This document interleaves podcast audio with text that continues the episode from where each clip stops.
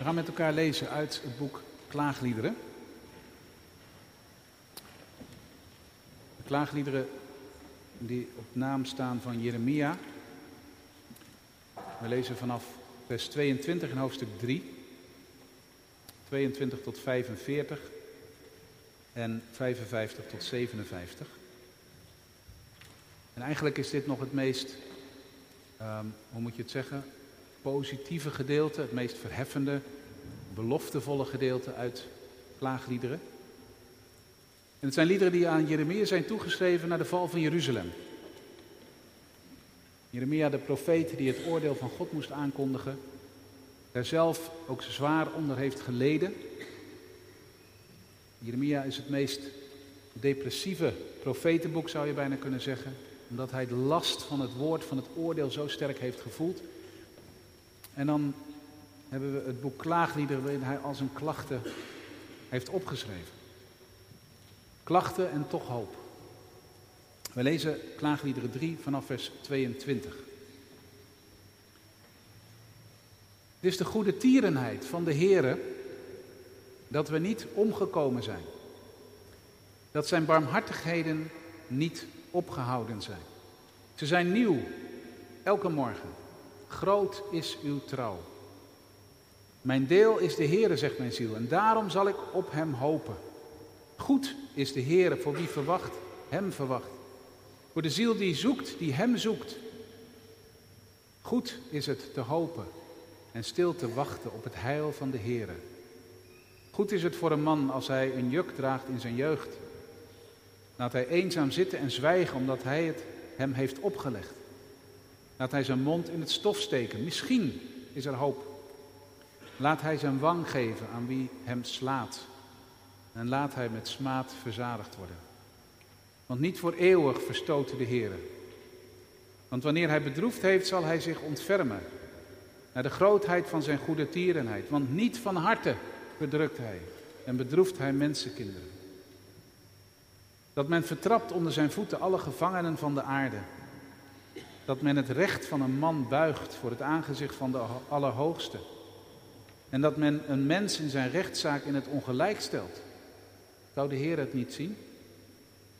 Wie zegt iets en het gebeurt als de Heer het niet gebiedt?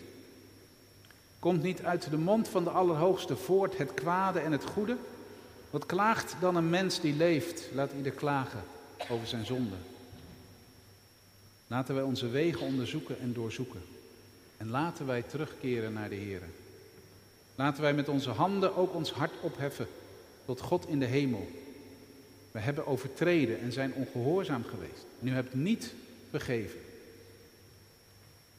U hebt u in toren gehuld en u hebt ons achtervolgd. U hebt gedood, u hebt niet gespaard. U hebt u in een wolk gehuld, zodat er geen gebed doorkwam. Uitvaagsel en afval hebt u van ons gemaakt in het midden van de volken. We lezen verder bij vers 55 van hoofdstuk 3. Ik heb uw naam aangeroepen, heren, vanuit het diepste van de put. U hebt mijn stem gehoord, verberg uw oor niet voor mijn zuchten voor mijn hulpgeroep. U bent nabij geweest, de dag dat ik u aanriep. En u hebt gezegd, wees niet bevreesd. Tot zover de lezing uit de Bijbel vanavond. U bent gelukkig, u bent zalig als u het woord van God hoort en er ook met heel uw hart uit leeft. Ik wil stilstaan bij vers 44 uit Klaagliederen 3 vers 44, waar staat, u hebt u in een wolk gehuld, zodat er geen gebed doorkwam. In een andere vertaling staat, ondoordringbaar voor het gebed.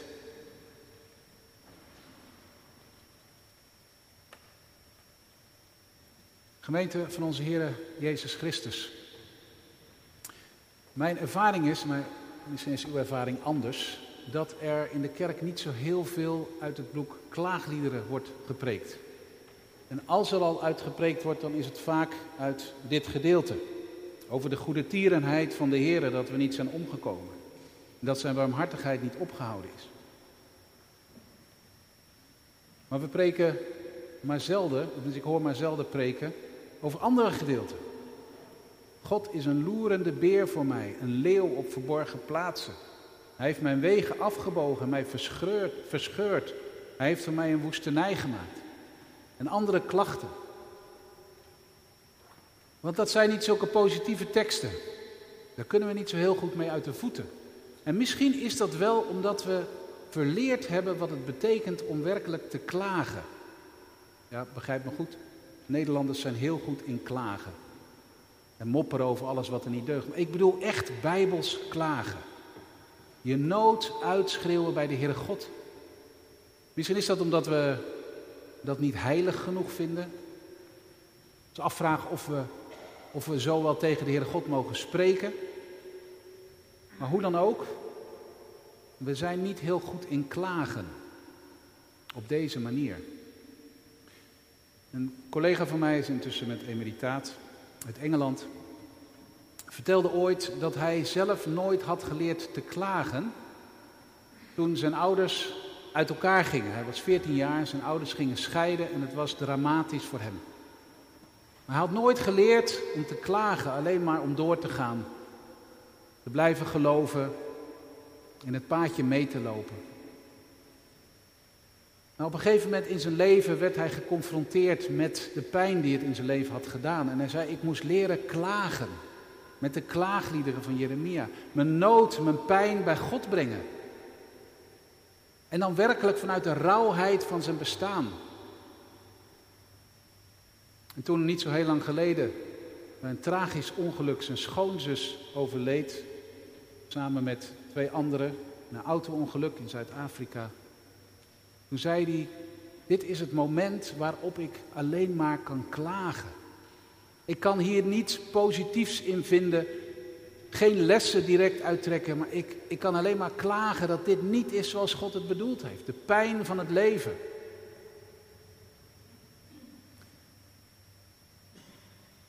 En daarom zouden we misschien soms iets meer mogen leren van het boek Klaagliederen. Want het zijn hele diepe klachten. En tegelijkertijd klachten vol hoop. Geadresseerd aan God. Ook de klacht die we met elkaar gelezen hebben. U hebt u in een wolk gehuld, ondoordringbaar voor het gebed. Je kunt je afvragen, wat heeft het voor zin om dat bij God te brengen? Als God toch zich verbergt in een wolk en je, je niet bij hem kunt komen met je gebed, dan kan je toch beter zwijgen.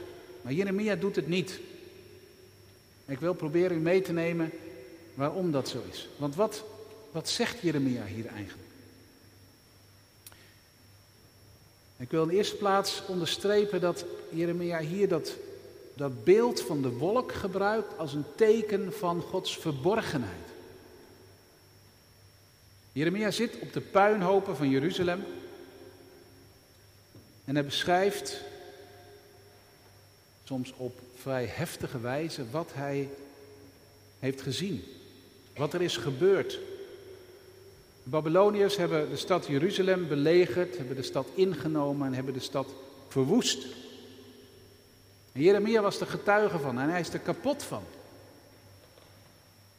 Het is moeilijk te bevatten wat hij in dit boek allemaal beschrijft. Het gaat alsof je naar de, de beelden van vandaag op social media of, of op het journaal of waar ook zit te kijken. Van oorlogsgebieden, van moordpartijen, verkrachtingen, Kinderen die aan de borst sterven. De straten bezaaid met lijken.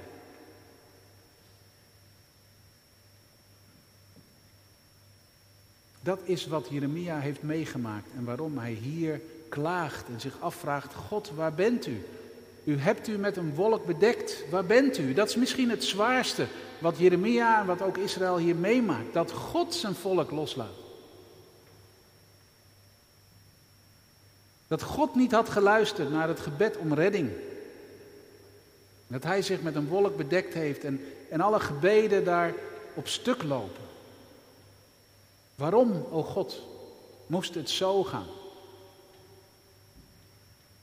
En daarom komen al die gebeden uit de geschiedenis samen van mensen door de eeuwen heen. Waarvan je niet begrijpt waarom ze niet gehoord zijn, beantwoord zijn. Je op cruciale momenten in je leven om God geroepen hebt. En je hebt geen antwoord gekregen. U hebt u met een wolk bedekt, ondoordringbaar voor mijn gebed.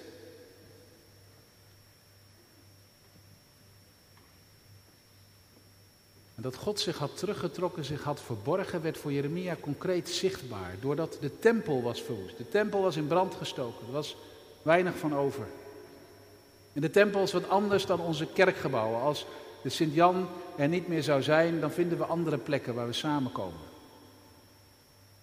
Maar de tempel was de plek waar God woonde. De, de materiële, zichtbare aanwezigheid van God in de tempel. Het altaar waar de verzoening plaatsvond. Het heilige der heiligen. Het was ontheiligd.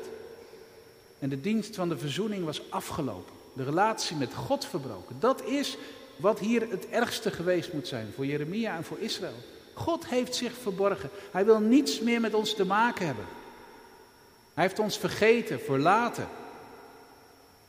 Hij heeft zich in toren gehuld, ons vervolgd en gedood, hebben we gelezen. Vers 45. U hebt uitvaagsel en afval van ons gemaakt. God als de loerende beer, zoals ik net las. Een leeuw die zijn prooi bespringt. Verbijsterend. Hoe is het mogelijk dat het uitverkoren volk, dat Jeruzalem, de uitverkoren stad van God, die toch ontastbaar was, door God verlaten is? Misschien is dat ook wel jouw of uw angst. Als dingen je overkomen die, die je diep raken, die dingen stuk gaan. Het zou toch niet zo zijn dat God mij hier loslaat? Dat God niet meer van zich laat horen als ik bid om een uitweg. We zijn hartstochtelijk op zoek vandaag naar ervaringen van God. Misschien juist wel omdat we eigenlijk zo weinig van God ervaren. Maar we moeten wel een paar dingen bij opmerken. Want ook voor Jeremia ligt hier een enorme spanning. Als één ding duidelijk is voor Jeremia, is dat het alles te maken heeft met hoe Israël zich gedragen heeft. Het is onze schuld, zegt hij. Wij hebben gezondigd, dat klopt. Hier staat in uw recht, Heere God, klaagt iedereen 1, vers 18.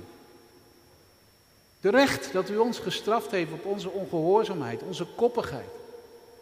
Dat we denken dat we zonder u net zo goed konden leven als met u. En u heeft ons gewaarschuwd, keer op keer. Telkens weer hebben wij uw liefde vertrapt.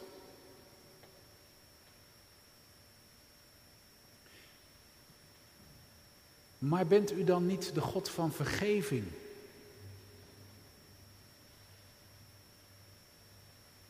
Het is toch niet zo dat alles wat er misgaat in ons leven direct te maken heeft met mijn zonde? Dat als God naar onze schuld kijkt en zich dan bedekt, dan zou toch geen gebed van ons ooit nog God kunnen bereiken. Als God naar ons zou luisteren vanwege onze gerechtigheid, dan maken we toch allemaal geen schijn van kans. Het is waar, Heere God, maar als u afgaat op onze schuld, dan zouden we überhaupt niet meer bestaan. Waarom zijn we er dan überhaupt? Dat is de roep van Jeremia aan de spanning. Natuurlijk, wij hebben gezondigd, maar gaat u niet veel te ver?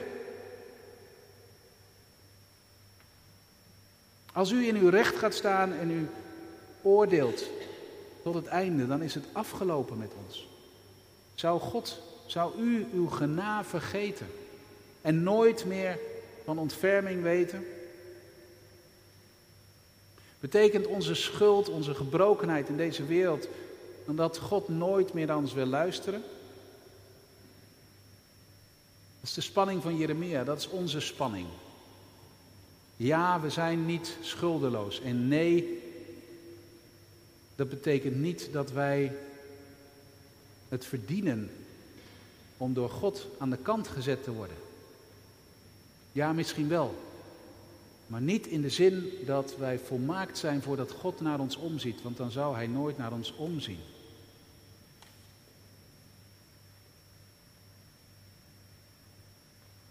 Het is uiteindelijk toch altijd genade, Heere God, als u naar ons luistert.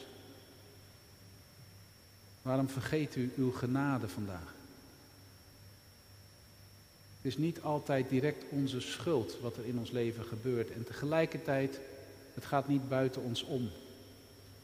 We hebben God niet op zak, we zijn afhankelijk van Zijn genade. En ook dat is iets wat we vandaag mogen beseffen. De wolk als teken van Gods verborgenheid hier. Maar dat is niet alles, er is nog meer. Gelukkig. Want de wolk is niet alleen het teken van Gods verborgenheid in de Bijbel, maar het is ook het teken van Gods aanwezigheid. En het beeld zal door Jeremia ook niet voor niets gekozen zijn. En zeker in dit gedeelte, waar hij telkens weer spreekt van hoop, van het feit dat God niet voor eeuwig verstoot. Dat hij zich zal ontfermen. Dat zijn goede tierenheid nieuw is elke morgen. Die, die wolk, dat is ook een teken van hoop, van Gods aanwezigheid. Als je het Oude Testament kent, je leest het door, dan zie je telkens weer dat de wolk ook het teken is van Gods aanwezigheid. Als Israël in Egypte opgesloten zit, honderden jaren lang, dan lijkt het alsof God zich verborgen heeft in een wolk, ondoordringbaar voor het gebed. 400 jaar lang riep Israël tot God en klaagde het zijn nood en het zuchten onder de verdrukking van de farao. En dan zegt God, ik heb wel degelijk gezien en gehoord de ellende van mijn volk en de klacht van mijn volk. En ik ben neergedaald om mijn volk te redden uit de hand van de farao. En als God neerdaalt, dan daalt hij neer in de wolk.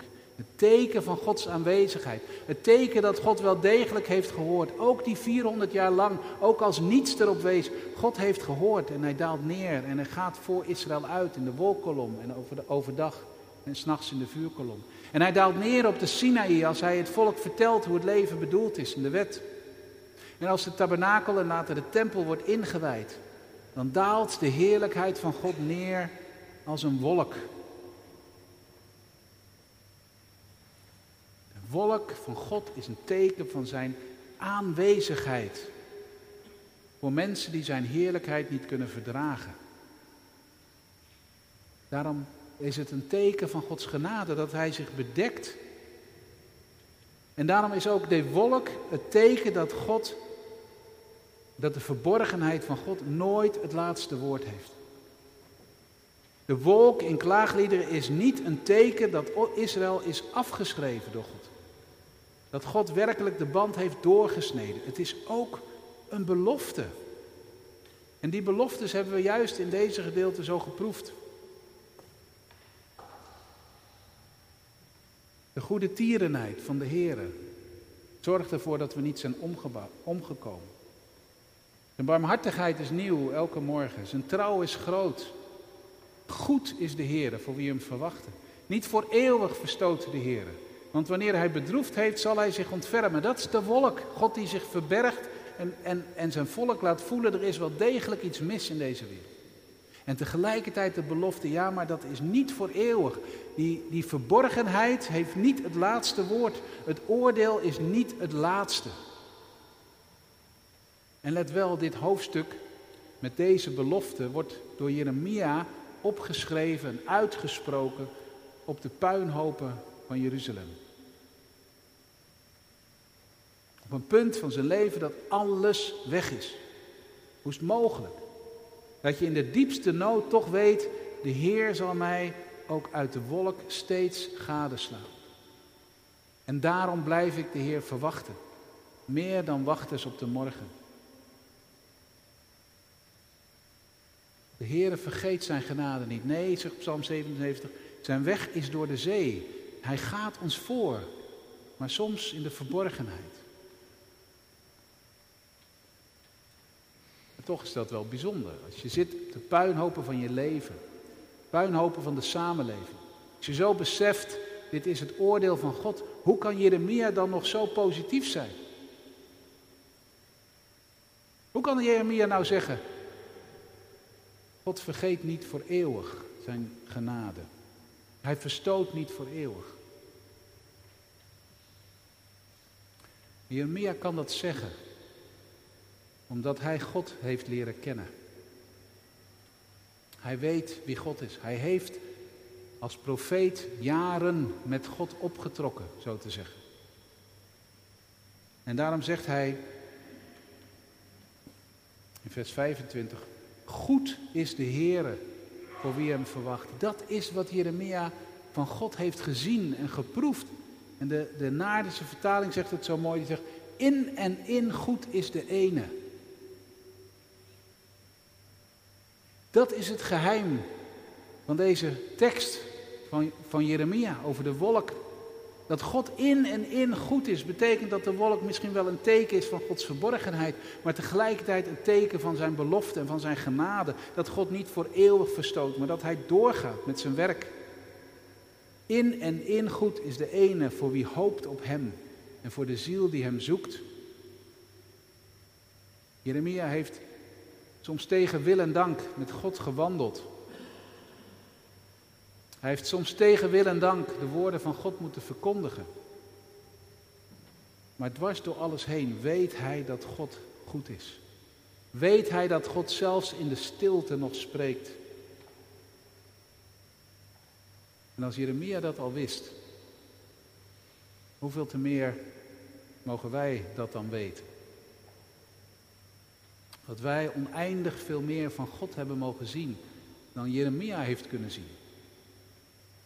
Want als ergens duidelijk geworden is dat God zijn volk niet afschrijft, dan is dat wel aan het kruis op Golgotha. De komst van Jezus. Zo één ding wat is wat duidelijk is, is dat God zich aan het kruis op Golgotha verborg voor de zoon. U hebt u met een wolk bedekt, ondoordringbaar voor mijn gebed. Mijn God, mijn God, waarom hebt u mij verlaten? Bleef stil. Jezus werd besprongen door de volle Godverlatenheid, de wolk van de afwezigheid, van, van de hel waar hij doorheen ging. Voor hem waren die woorden waar, ge hebt mij vervolgd, mij gedood, meedogenloos, mij gemaakt tot het uitvaagsel en het wegwerpsel midden van de volken.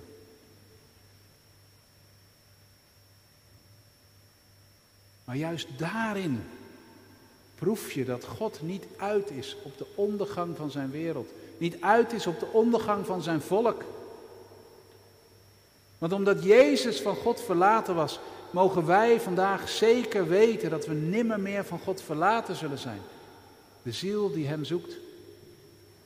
Omdat Jezus aan het kruis stierf, is de wolk voor ons voor altijd het teken van Gods aanwezigheid omdat God zich voor Jezus verborg en niet meer hoorde naar zijn gebed, mogen we zeker weten dat Hij zich nooit meer voor ons zal verbergen.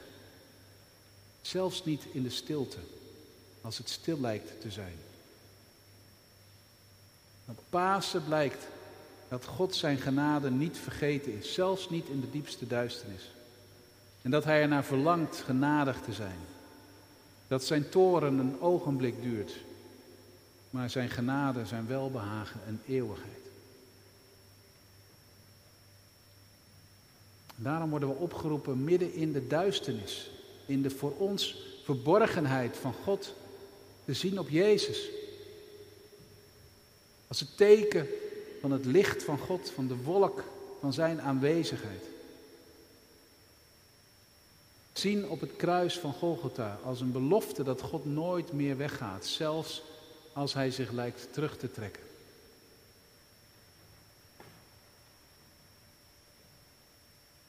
Ik wil eindigen met een paar gedachten om mee te nemen. Want wat moeten wij daarmee vandaag de dag? Ik moest bij dit gedeelte denken aan een leraar die ik had op de middelbare school. Leraar wiskunde. Een zeer intelligent man.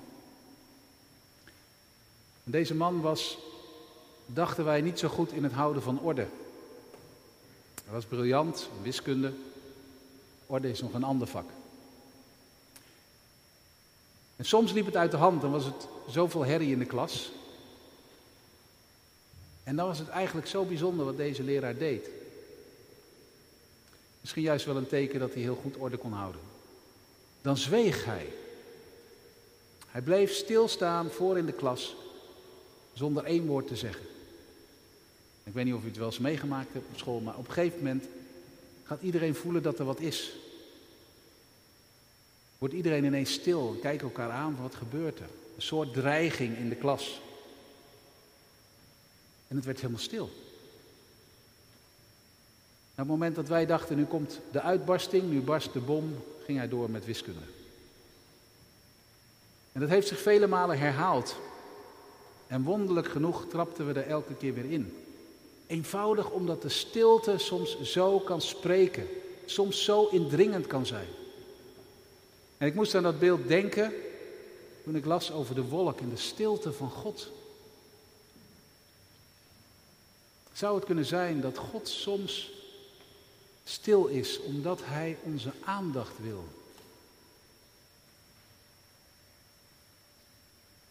Niet dat Hij ons loslaat. Niet dat Hij ons uit het oog verliest.